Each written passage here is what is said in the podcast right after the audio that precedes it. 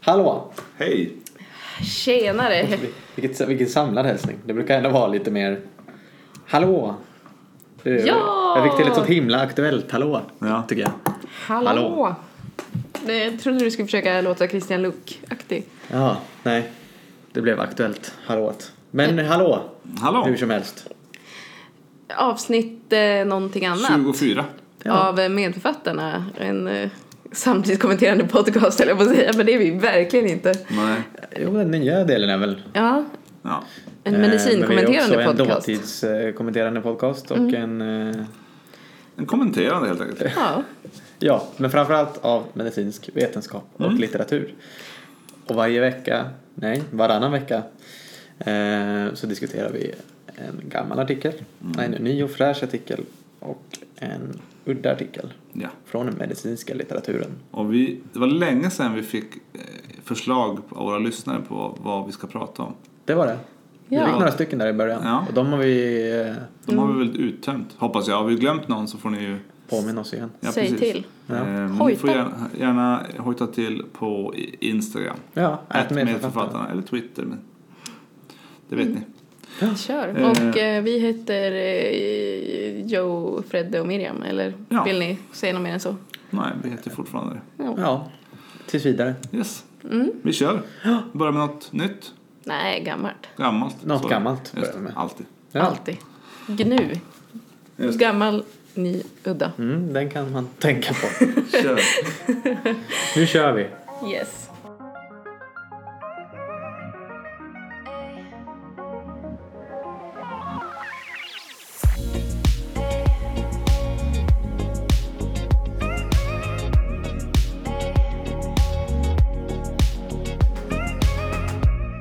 Ja, jag har ju återfunnit en eh, jackpot när det gäller att hitta eh, artiklar till den här podden. Mhm. Jag hade glömt bort att den fanns. Den här, em, eh, vad heter den, twominutemedicine.com. Ja. Mhm. Så Jag bara, har, jag har boken om du vill. varför har du alltid boken? Jag Jag vill trodde inte det ha var, det var boken. den här Joes eh, faktabok du hade återupptäckt. Men den, Just den, det. den har vi slutat. Curious Cases, vad heter Ja, den? just det. Nej, utan em, alltså här eh, finns ju s- summeringar av alla klassiska studier någonsin typ. Mhm. Om man undrar någonting om varför gör man så här så kan man typ hitta den studien här. Ja. Ja, den är Snyggt bra. summerad. Ja. Så ja. Att, eh, det gjorde mig lycklig. Mm. Ehm, och där har jag då eh, valt och vrakat och jag hittade en som jag tycker var spännande som heter eh, The Safe Trial Normal Saline versus Albumin for Fluid resus- Resuscitation. eh, Bra, för den här har jag tittat på flera gånger och tänkt nej. Nej, Men det känns mer som, som din grej. jag vet inte. Men den här... Här står det att den kom eh, 27 maj 2004 i New England Journal of Medicine. Eh, Så kom den här lite för att kväsa en debatt som hade rasat i ett halvt sekel. Oj. Alltså, jag pratar kristalloider och kolloider. Och det debatteras och man fattar ingenting. Och varför är det som det är? Det vet vi inte. Men det ska vi snart få veta. Möjligen. Eh, kristalloider, det är alltså former av alltså, vätska som man kan ge folk som behöver ersättning av vätska. Och här pratar vi väl framförallt en snabb eh, rehydrering, alltså kanske en, liksom, mer chockterapi eller eh, Och exempel på kristalloid är ja, ringer Mm. ringa resultat. och natriumklorid som de använder här då. Eh, och det är liksom små molekyler och billigt, typ vatten fast väldigt mm. snyggt inställt då för att passa kroppen. Glukosen kristalloid. Mm, det tror jag väl Ja. att den räknas till. Det är, alltså glukosmolekylen är väl ändå mindre Den- den är än, en, absolut. Ja, jag än en liksom, vad är det, kände att det var 30 den- kilodalton den- eller vad det nu är. Eh, och kolloider då är ju mer eh, större molekyler som lite snabbt då ska ge ett eh, bättre onkotiskt tryck för att eh, behålla vätska och- eller kanske till och med dra in vätska Mm. tillbaks till blodbanan. Eh, så, och eh, i USA så har man haft en lång tradition att jobba mycket med kristalloider. Eh, och medan tydligen har i Europa traditionen varit mer att försöka tänka och köra på det här men med eh, kolloider då håller man kvar vätskan och övervätskar inte och sådär. Mm. Eh, Och kolloider då. albumin Okej. till exempel. Eh, Hes var ja, väl en grej. ja, det är typ återkallat nu. Det får inte Ja, nu, användas. nu får man inte använda Mm. det längre. Men, Nu, det finns massa syntetiska kolloider också. Och Dextran finns det ju. Och prometen. Gelatin, ja. Det finns massa namn och Ja. som jag, man Ja, Mm. sällan det var- kommer i kontakt med, höll jag på att säga. Eh, och, eh, men det har varit väldigt svårt att studera vad som egentligen eh, varit bäst av det här. Mm. Eh, det finns mycket teorier om hur det här ska funka och man har testat det på friska personer och sen kommit fram till resultat som sen kanske inte har verkat stämma när man provar på akut sjuka personer. Nej. Och en f- grej med det här är väl att eh, eh, st- studier på patienter som kräver intensivvård är ganska mäckigt Mm. att genomföra och det, det händer otroligt mycket interventioner samtidigt så det är ju Precis. Mm. väldigt svårt att renodlat studera Det är en mycket- effekt. Mycket noise. Ja, och till... ehm, jag får nästan ta det kronologiskt. En eh, bakgrund till att den här studien gjorde var att Cochrane hade gjort en analys typ 99 där man hade eh, metaanalyserat studier och där kommit fram till att um, kolloider var farligt. Att man hade liksom bedömt att var 17 patient som fick det här fick någon form av svår eh, av skada av det. Kanske en propp eller en eh, Anafylaxi kan man väl få av en del kolloider Ja, också. precis. Eller njursvikt till exempel. Och det tyckte folk var en väldigt hög siffra och kan det här verkligen stämma? Och det blev debatten blossade upp. Man igen. litade inte så mycket på den metaanalysen utan man fick ändå köra en. Ja, men en precis. studie, Nej, men det ja. verkar som att det, eh, den blev kraftigt ifrågasatt. Ja. Mm. Och det låg då liksom till bakgrunden till att man ville göra den här SAFE-studien då. Och den var eh, rejäl. Den gjordes, eh, det var en multicenterstudie i eh, Australien och eh, nu ska vi se om det var i eh, Nya Zeeland också. På eh, 16 eh, eh, liksom ICU Okej. S- Och eh, det, skulle vara, det var vuxna personer som av någon anledning behövde eh, snabb vätsketerapi. Eh, Och de utslöt folk efter hjärtkirurgi, levertransplantation och brännskador. Men de hade i alla fall eh, ungefär 7000 personer i den här studien. Mm. Eh, och eh, det man mätte var eh, helt enkelt mortalitet efter 28 dagar som liksom huvudmått spelar någon roll för om man överlever eller inte. För det är väl hårda data. Och det här var alltså en prospektiv studie? Mm. En Fram- randomiserad framåt. studie. Mm, Där man, man gav antingen eh, kolid eller kristalloid i identiska flaskor så ingen Mm. visste heller. Ja, dubbelblindat. Ja. Ja, på något sätt så valdes det ju. Men... Och eh, sen så kollade man också på hur länge de behövde dialys, hur länge de behövde respiration, eh, vad heter respirator, hur länge de behövde eh, vara på intensiven eller sjukhuset överlag. Och eh, ja, det finns massa eh, teknik i hur de gjorde det här såklart. Eh, men där hittade de då att det var eh, ingen eh, skillnad alls nästan. Liksom, I Typ. någonting. relative risk var 0,99 och icke-signifikant eh, konfidensintervall. Och eh, inte heller på de andra parametrarna. Eh, så det spelade inte så stor roll för utfallet. Alltså vad gäller mortalitet, eh, behov av respiratorvård, behov av dialys och Eh, ja, eh, Givardag- sjukhusvistelse. givardagar. Ja, givardagar.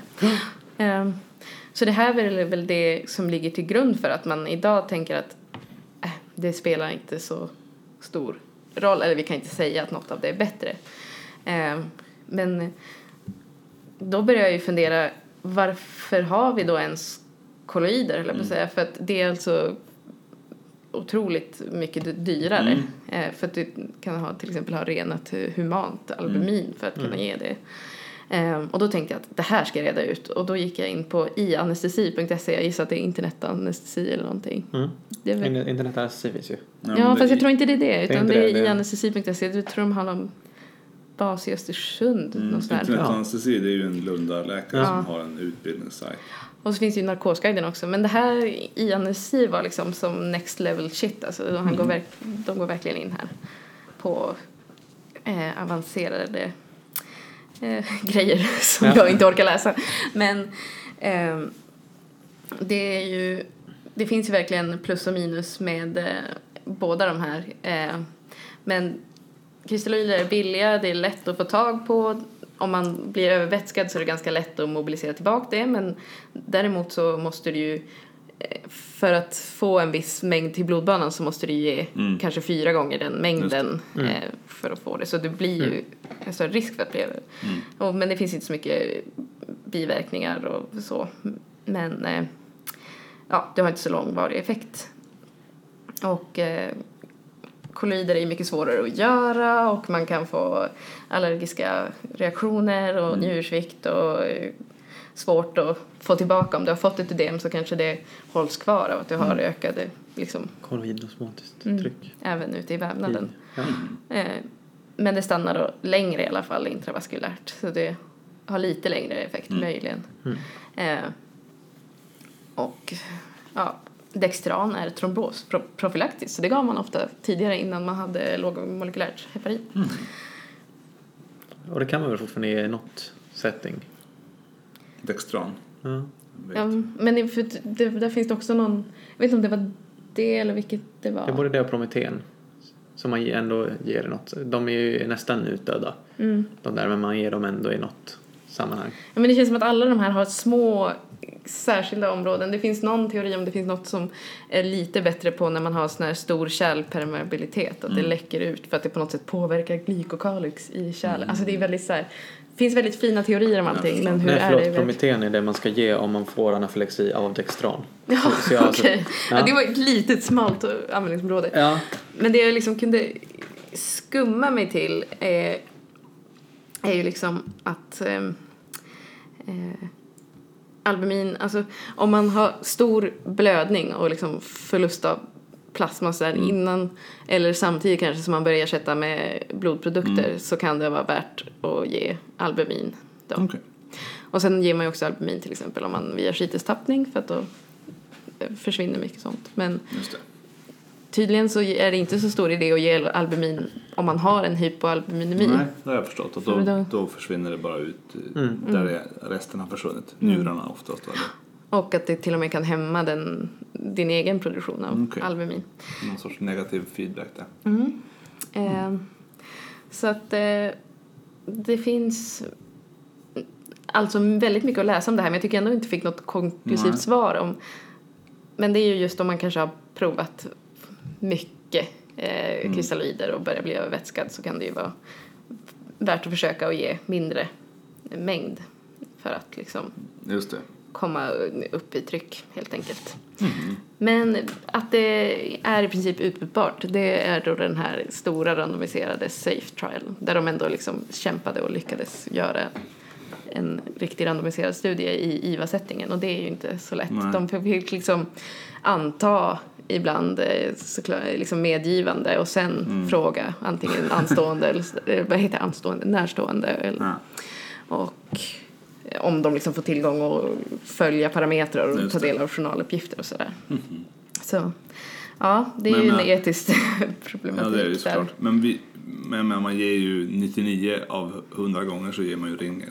Och sen en, en gång av 100 ger man Mm. lite albumin också. Ja.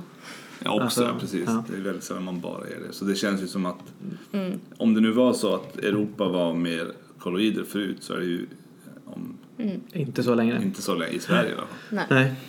Men det har ju också det är intressant att den här Cochrane-artikeln blev så kritiserad men sen har man också ändå försökt sammanställa att sen ja, nu minns jag inte vilket årtal det var men un- ungefär sen den pub- publicerades så hade man sammanställt att det hade getts ja, men typ eh, 16 miljoner sådana infusioner och det var otroligt få som hade fått någon biverkan. Ja. Så att det var, hade, måste ju varit ett selekterat material i de analyserna som gjordes på grund av att det är så svårt att göra sådana här IVA-studier helt enkelt. Ja. Så att, eh, inte ens Cochrane är ofelbart tyvärr. Nej, men har absolut de gjort inte. någon ny då? Eh, Nej, de har gjort. det lär de ha gjort. Ja.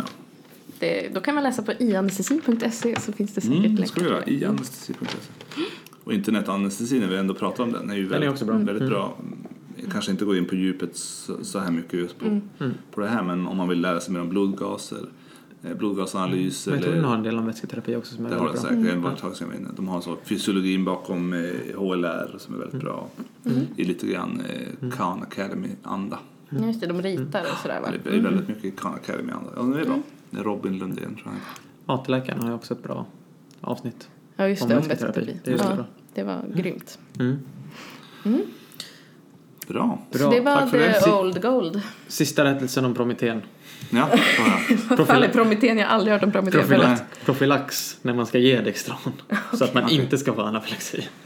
bra. Ja. Då har vi Så en, om ni mot förmodan någonsin ska göra Dextran så ska ni också ge lite Prometen först. Ja. Vad är Prometen då? Det är alltså någon sorts... någon annan form av Dextran tror jag.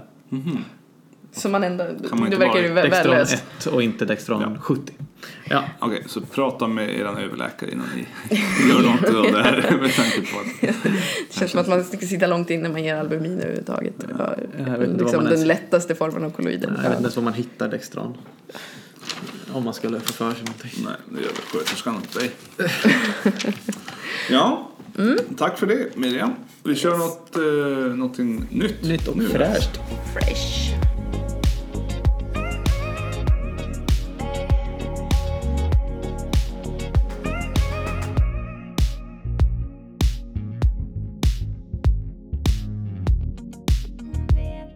Ja, jag eh, ska prata om eh, ett par artiklar. Ett par? Ja, sån är jag vet du. Mhm. Oho. Ett par? Är det två eller Jag är i tre? nivån Ja, det är bra. ständigt. Nej. Det är bra, jag ska sänka den sen. Ja, ja precis. Nej men eh, det är jag inte särskilt. Utan det är ehm, eh, en, lite av en dubbel publikation. En sex månaders och en tolv månaders. Ja, okej. Ehm, Ett par. ja.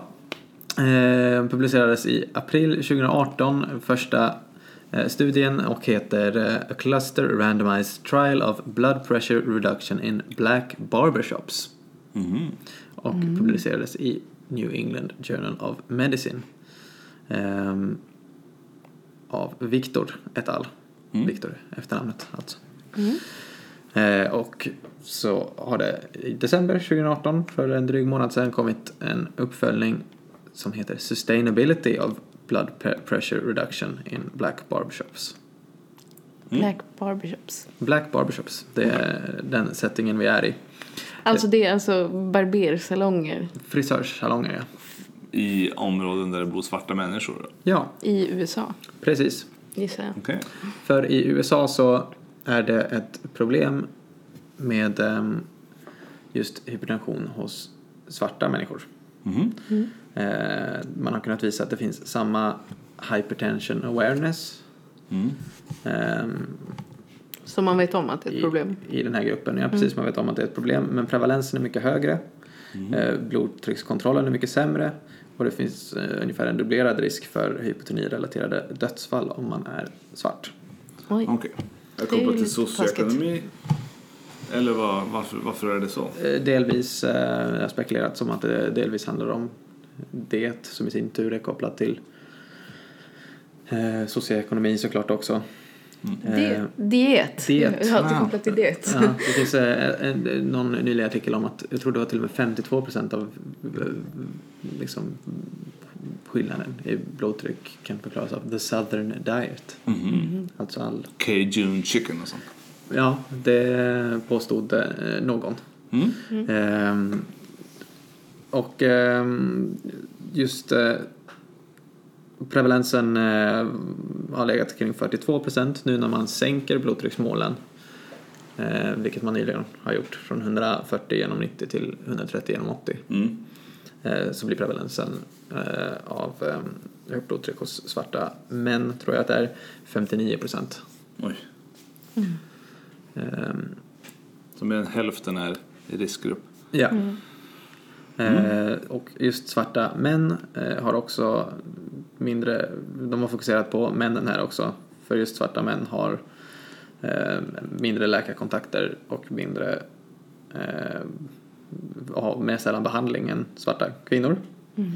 Och det finns en tidigare väl etablerade eh, outreach-program som man kallar det för att eh, försöka nå den här gruppen Mm. ehm, som uppenbarligen har en okontrollerad hypertoni i många fall. Ehm, och då finns det redan outreach-program hos just frisörsalonger Okej. som verkar funka ganska bra. Där man ger ut broschyrer om hypertension.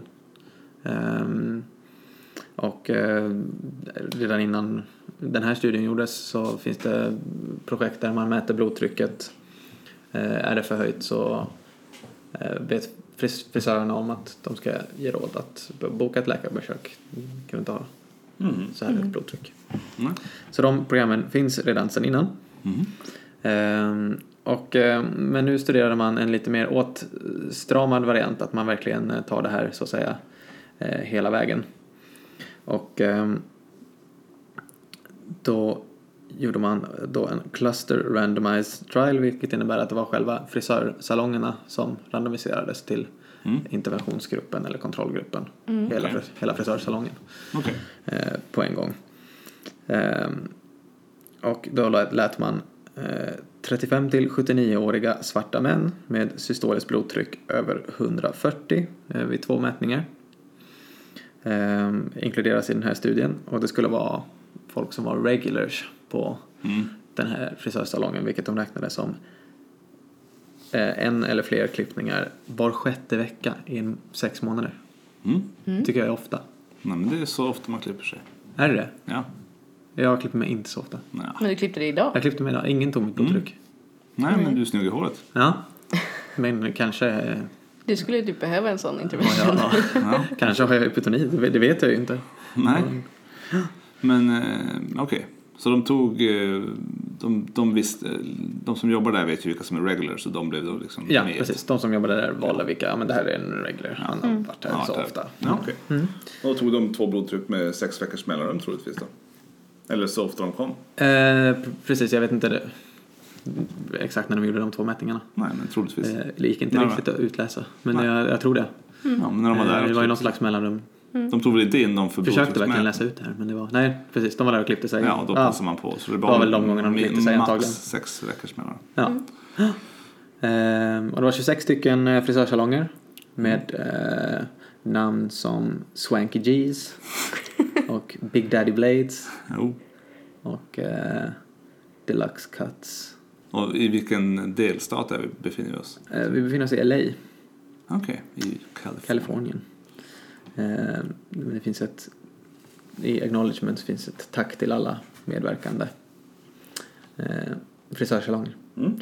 Ehm, och då, de, som, de frisörsalongerna som var med i ehm, interventionsgruppen eh, hade apotekare på plats.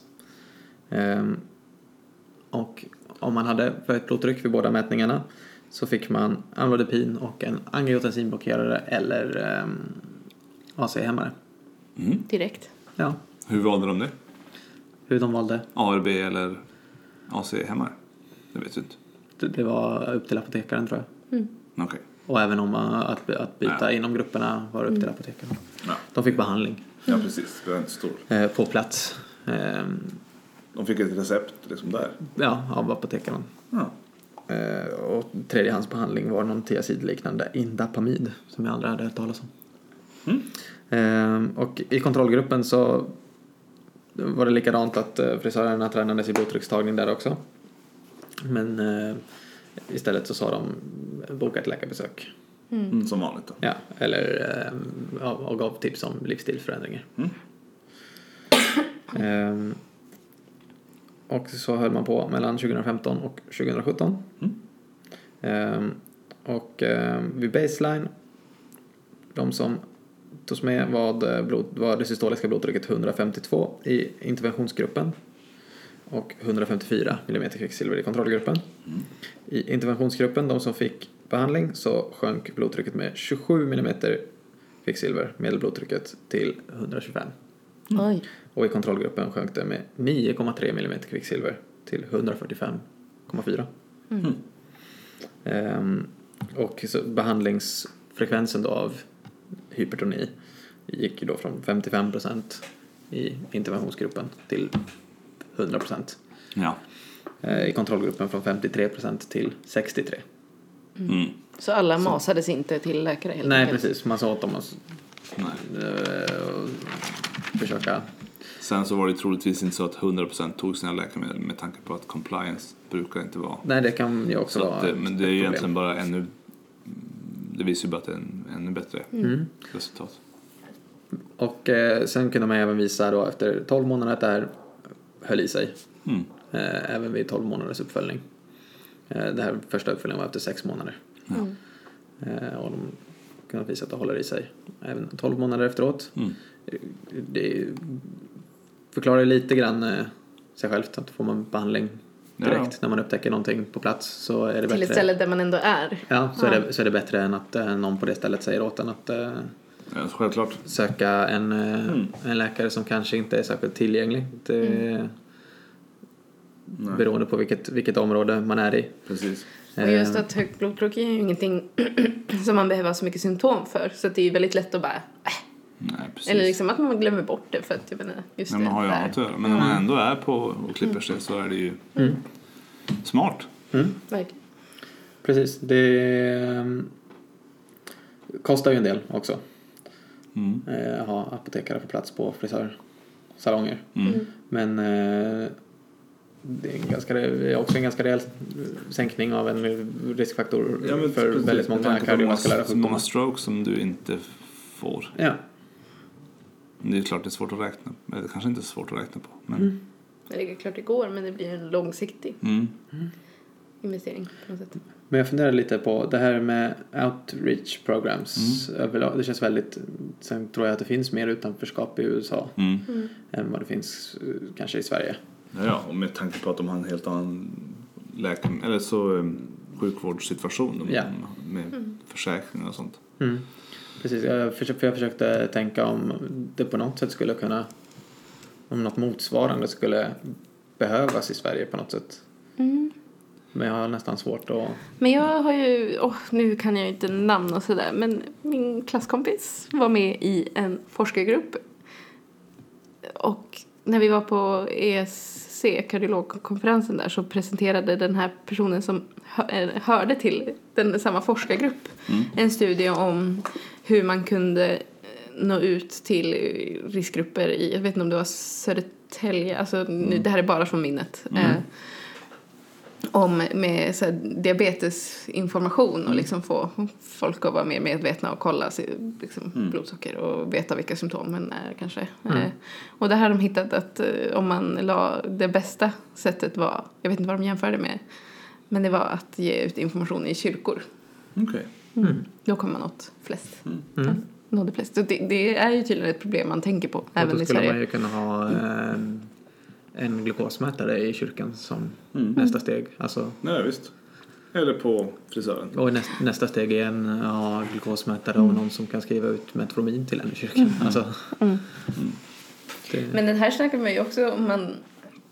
För apotek får ju inte ha förskrivarrätt som jag förstår. Eller så här, nej, det här var ju pharmacists. Mm. Nej, men Mm. jag läget tror är att- ett annat säkert i USA. Nej, Ja, jag en, tror att det är- en, en apotekare i Sverige kan väl inte skriva ut läkemedel? Nej. Men jag tror tanken där är väl framförallt att egentligen att apoteken inte ska kunna liksom göda sig själva Nej. Mm. rent marknads och etiskt Nej, mässigt. nej. Så. Nej, det ska vara lite så. En läkare skriver ut, apotekaren säljer. Just för att inte snedvrida och liksom, Mm. eftersom då apoteken har ett väldigt stort intresse av att såklart förskriva så mycket mediciner som möjligt. Mm, men det har de ju säkert. Mm. Smart. Ja. Men, eh, ja, men jag tänker det skulle väl funka i Sverige. Man, man behöver ju sitta, man ska ju helst le- vila i en kvart eh, innan du tar ett blodtryck och sådär. Och det gör man ju. Och det instruerades ju, eh, Det gör man ju frisören i alltid hos också. Mm. en frisör. Ja, men och även i Sverige så har vi ju stora hälsoskillnader och förväntade livslängdsskillnader mellan olika grupper i samhället. Och där man skulle kanske behöva, liksom, om man nu tycker att jämlikhet och, och i- rättvis hälsa är eftersträvansvärt så ska man ju citerar jag direkt från vår hälsa, miljö och samhällskurser. Ja, men det är ju skitsmart. Mm. Och jag menar, även om du inte har, har en läkare som skriver ut, att åtminstone ha en, ett outreach program Mm. där man har en sån hemmamätare på varje. Särskilt om man vet att det är en grupp som har en, eh, en, eh, Ökad prevalens. risk, ökad Ja. Mm. prevalens. Ja, precis. Mm. Så, ehm, Ja, men just att få den där första knuffen att faktiskt komma in i behandling tror jag är jätteviktigt. För att det är ju en sak att veta om någonting. Som de, de visste ju också om att ja, det är klart, hyper, liksom, högt blodtryck är farligt och finns liksom. Men, Men man skulle kunna tänka sig att man hade en sån mätare. De testar och är det högt vid två tillfällen så skickar de en, eh, skickar man, om, om patienten vill det, då skickar man eh, någon länkare till deras vårdcentral som kallar dem på en, Mm. på en tid. Och så tar man ett nytt blodtryck och så får man. Då blir man kanske också mer mån om att gå om man har en tid att passa. Mm. Bra. Mm. Ja, så det får någon gärna hitta på. Ja. Tycker jag. Ett bra outreach-program Mm. för folk som inte nås av vården idag. ja, varför inte? Tack för det. Snyggt byggt. Vi går vidare. Det gör vi. till kvällens sista, eller av- avsnittets sista artikel. Ja. Udda.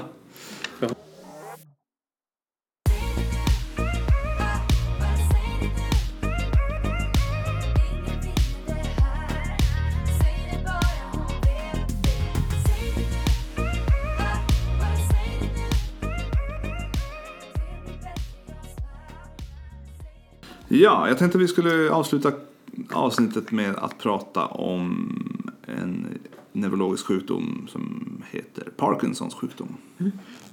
Efter James Parkinson. Ja, berätta om honom. Det var allt jag visste. om Ja, James okej. Parkinson. Okej. Ja, men eh, döpt efter honom. Mm. En britt, eller? Jag tror han är, äh, nu, ska, nu blev jag osäker på att den heter James Parkinson. men, eh, ja, Kan möjligen heta. Han heter troligtvis Parkinson i efternamn. men han skrev en artikel eller en bok som jag nästan minns vad den heter också. Om, man, eh, om, det, om det räknas. Ja, Nej. nej. Nej, Nej, okej. det gör jag inte. Men i alla fall, Parkinsons sjukdom. En, jag vet faktiskt inte hur vanlig den är. Relativt vanlig sjukdom. Ehm, mm, hos eh, framförallt äldre personer. Eh, kan ge det klassiska är att man får lite skakningar och eh, s- s- Gångrubbningar. gångrubbningar, svårt att starta mm, rörelser och så. Och så autonoma. Att man får svårt med att hålla blodtryck och Det kan komma senare kanske. Ja, jag tror det. Mm. är senare. Ehm, inte helt ovanligt är också att man får gastrointestinala besvär. Ehm, eh, ganska oftast ganska långt innan man får problem med, sin, med liksom neurologiska besvär så får man problem i magen. Och anosmi, att man inte känner lukt va? Det var tidigt. Det kunde komma före. Är inte det vid Alzheimers?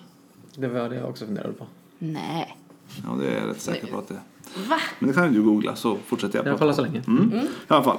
Eh, Så gas- GI-symptom eller GI-dysfunktion är en vanlig icke-motorisk symptom då till, till hos, pa- hos eh, Parkinson-patienter. Båda. Ja. Hos båda. Okej, så man kan få svårt med lukten hos båda. Alla hade rätt. Ja. Ja.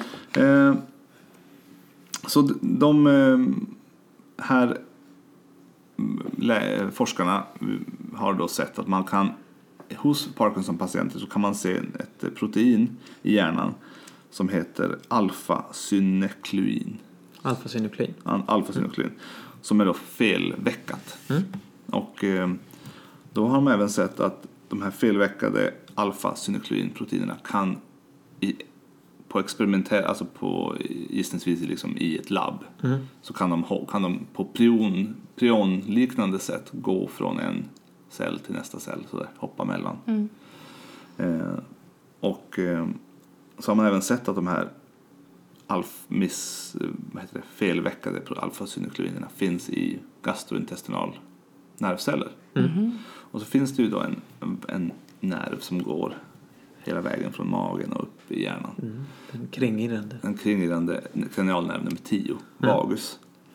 Som var en fråga i På spåret häromveckan. Ja, Mm. då ser man. Och eh, sen har man också noterat att om, om hos patienter som får ett avbrott på sin vagusnerv av, eh, måste ju vara iatrogent, alltså att man Ja, det- tror det. Alltså man, åtminstone vet man ju att någon, den är avbruten. Ja. Så har man sett en minskad Parkinson-incidens. Gut brain axis. Ja. Så, och så eh, ville de då se om kan det vara så att eh, eh, den lilla, den lilla vermiformis, appendix vermiformis, alltså blindtarmen, eh, är, är en liten... Varför ser det så lurig ut? Men Blindtarmen, det, är ju- men- man har ingen- det kan vara inget, det kan vara allt. Ja, den, den, den är fan skyldig till det mesta. I alla fall, i, i den så ser man eh, ofta en ökad mängd sådana här felväckade alfasynukleiner då, som kommer sig som jag förstår det, av att man har haft eh, alltså det kan vara toxiner och eh, infektioner som skapar den. Och den lilla appendix är ju alltid med, snackas ju om att den är ganska viktig, kanske, i, i Immun. immun, immunförsvar och så. så att i alla fall. Men det, I tarmen. den är inte viktig i tarmen. Men den är viktig kanske för, som en immun... eh, Mm. En immun... eh, Tänkte komma till det. i alla fall. Så de ville, ville testa eh, om man kan, kan det vara så att eh, om man inte har en blindtarm, om man har fått sin blindtarm bortopererad, är man då mindre, i mindre risk att få en Parkinson på grund av allt det här. Så de eh, har haft en jädra massa patienter. Ska se hur många det var? Det var 1, nästan 1,7 miljoner Oj. eh, som de har följt då ret- retrospektivt. Så de förväntas inte så stora effektstorlekar kan man ju då tänka. Den här, den här powerberäkningen eh, var eh, Precis. pessimistisk. Och de följde dem i upp till 52 år.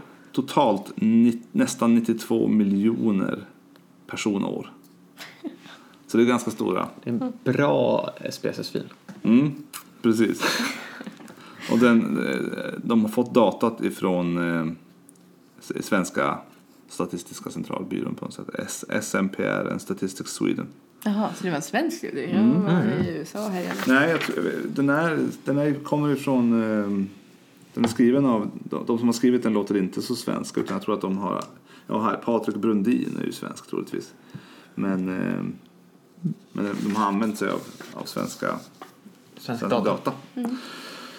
Ja, och eh, för att göra en lång historia kort så hittade de, av de här 1,7 miljoner så hittade de 551 000 eh, patienter så av dem som hade då fått en appendektomi. Som fått sin appendix bort opererad. Hur många sa du? En halv miljon. 550 000. Ja. Men alla hade Parkinson? Nej, Nej, okej, det är både kontroller och Parkinson-personer. det här är bara människor. Människor. Det är bara, f- men, ja. De har löst hitt- folk. lö- Hittat bara män, vi hittar alla människor och så Okej, tar vi vi, tar ser vi människor. hur många av dem har, f- har fått sin, sin eh, blindtarm bortopererad. Och ehm, sen när de sen gjorde en follow-up då på som mest 52 år, Mm. alltså, men totalt nästan 93, mil- 92 miljoner perso- personer, så hittade de 2250 Parkinson-patienter. Så det är inte så, då vet vi ju vad, Mm. hur många som får det då kan man säga. I hela gruppen. Ehm, I hela gruppen. De, de exkluderar alla individer som har sekundär Parkinsonism. Som till alltså exempel har vaskulär. ja, vaskulärt eller att de har knarkat sig till Mm. en... Eller eh, vad heter det?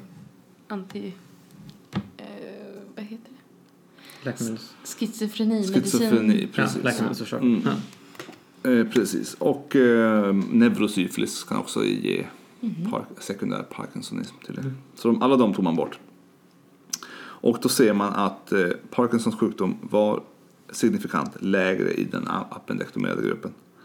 Eh, de som ha, ha, hade tagit bort sin blindtarm hade en eh, Parkinson-incidens på 1,6 per 100 000 personår. Och de som hade kvar sin blindtarm, då var incidensen 1,98 per 100 000 personer. Alltså en signifikant eh, minskning på 19,3 procent hos appendektomerade. Och ändå hyfsat vanlig sjukdom så blir väl ändå en hyfsad effekt. Ja, Jag tänker att det, Storlek. ja, och kan man liksom, jag tänker så här socioekonomi och vissa neurodegenerativa sjukdomar har ju någon sorts samband i alla fall med demens. Men jag menar, har, får du så ont i magen att du har nog en blindtarm så söker väl nästan alla. Ja, det tror jag. Det har liksom inte så gö- mycket att göra med din Nej, eh, health literacy. liksom. nej, nej. har du en eh, inflammerad blind, blindtarm så kommer man nog in. Eh, man kunde också se, de tittade på den kumulativa prevalensen av Parkinsons sjukdom. Eh, alltså totalt i hela, jag vet inte, hela populationen. Då kunde man se att alla människor eh, den totala prevalensen av, av Parkinson hos människor som hade haft en appendektomi också l- sänkt med 17 procent eh, jämfört med ska jag säga, totalt så hade, hade 1,17 personer av 1000 människor Parkinson. 1,17 av 1000 hos alla. Men hos appendektomerade så var det Eh, nej, förlåt, hos appendektomerade var det 1,17. Hos alla andra var det 1,4 av 000. Så det är nästan, vad sa vi, nästan 17 procent minskning. Mm. Alltså prevalensen också. Ja, eller kumulativ incidens över studieperioden tänker jag. Så att alla som fick Mhm. det under tiden. Under hela tiden tänker jag. Ja. Och det blir väl liksom slutprevalensen. Mm. Och sen Just så, det. så- Mm. det tredje man tittar på var hur, om det blev någon skillnad i, i tid till Parkinson-diagnos, alltså liksom tills man fick sjukdomen. Från Mm. epenektomin. Nej, f- Mm. Nej. f- hos... Eh, ja, alltså man tittade på alla. Får du det För senare eller Det var ju tidigare? även de som Ja. hade appendektomi, appendektomes fick ju också Parkinson. Det, är- Om det någon är liksom liksom inte- senare eller inte. Ja, det är inte en, eh, det är inte en, en bot, Nej. men det verkar ju som att det åtminstone gör att färre får det. Mm. Och de som får det, som inte har, som har, inte har en blindtarm, de får det i snitt 1,6 år senare. Mm. Inte Ja. jättemycket, men, men eh, ändå någonting. Mm. Signifikans. Så eh, det är inte svaret på Parkinson-frågan, men det är ju Inte. intressant att den lilla appendix ändå Vermiformis. Vermiformis alltid, alltid har något med i det mesta känns det som. Ja, det är kanske inte att man ska ta bort eh, blindtarmen, men man ska titta i... Ja men precis, det Det är blir ingen, bo, ingen så här, nu tar vi bort alla blindtarmar. så får vi Nej, bara- utan, utan- då tror jag vi skulle få en eh, utan- kostnadsstegring och kanske andra komplikationer. Ja, precis. Men om vi rent genetiskt kunde mute- ta bort dem i alla Nej, men foster. hitta, isolera orsaken. Precis, komma närmare Precis. why Och få en terapi mot does this den. even happen. Ja, precis. Men eh, ja, det var en jättestudie och jag har verkligen inte grävt ner mig i den så att jag har bara skummat på toppen. Så det kan man ju läsa mer om man vill. Alltså, men det är också så här, bara blindtarmen, hjärna. Alltså, ja, Gut brain axis. alltså det är ju... Ja, det är coolt. Det finns ju så sjukt mycket som är oupptäckt i kroppen och i medicin.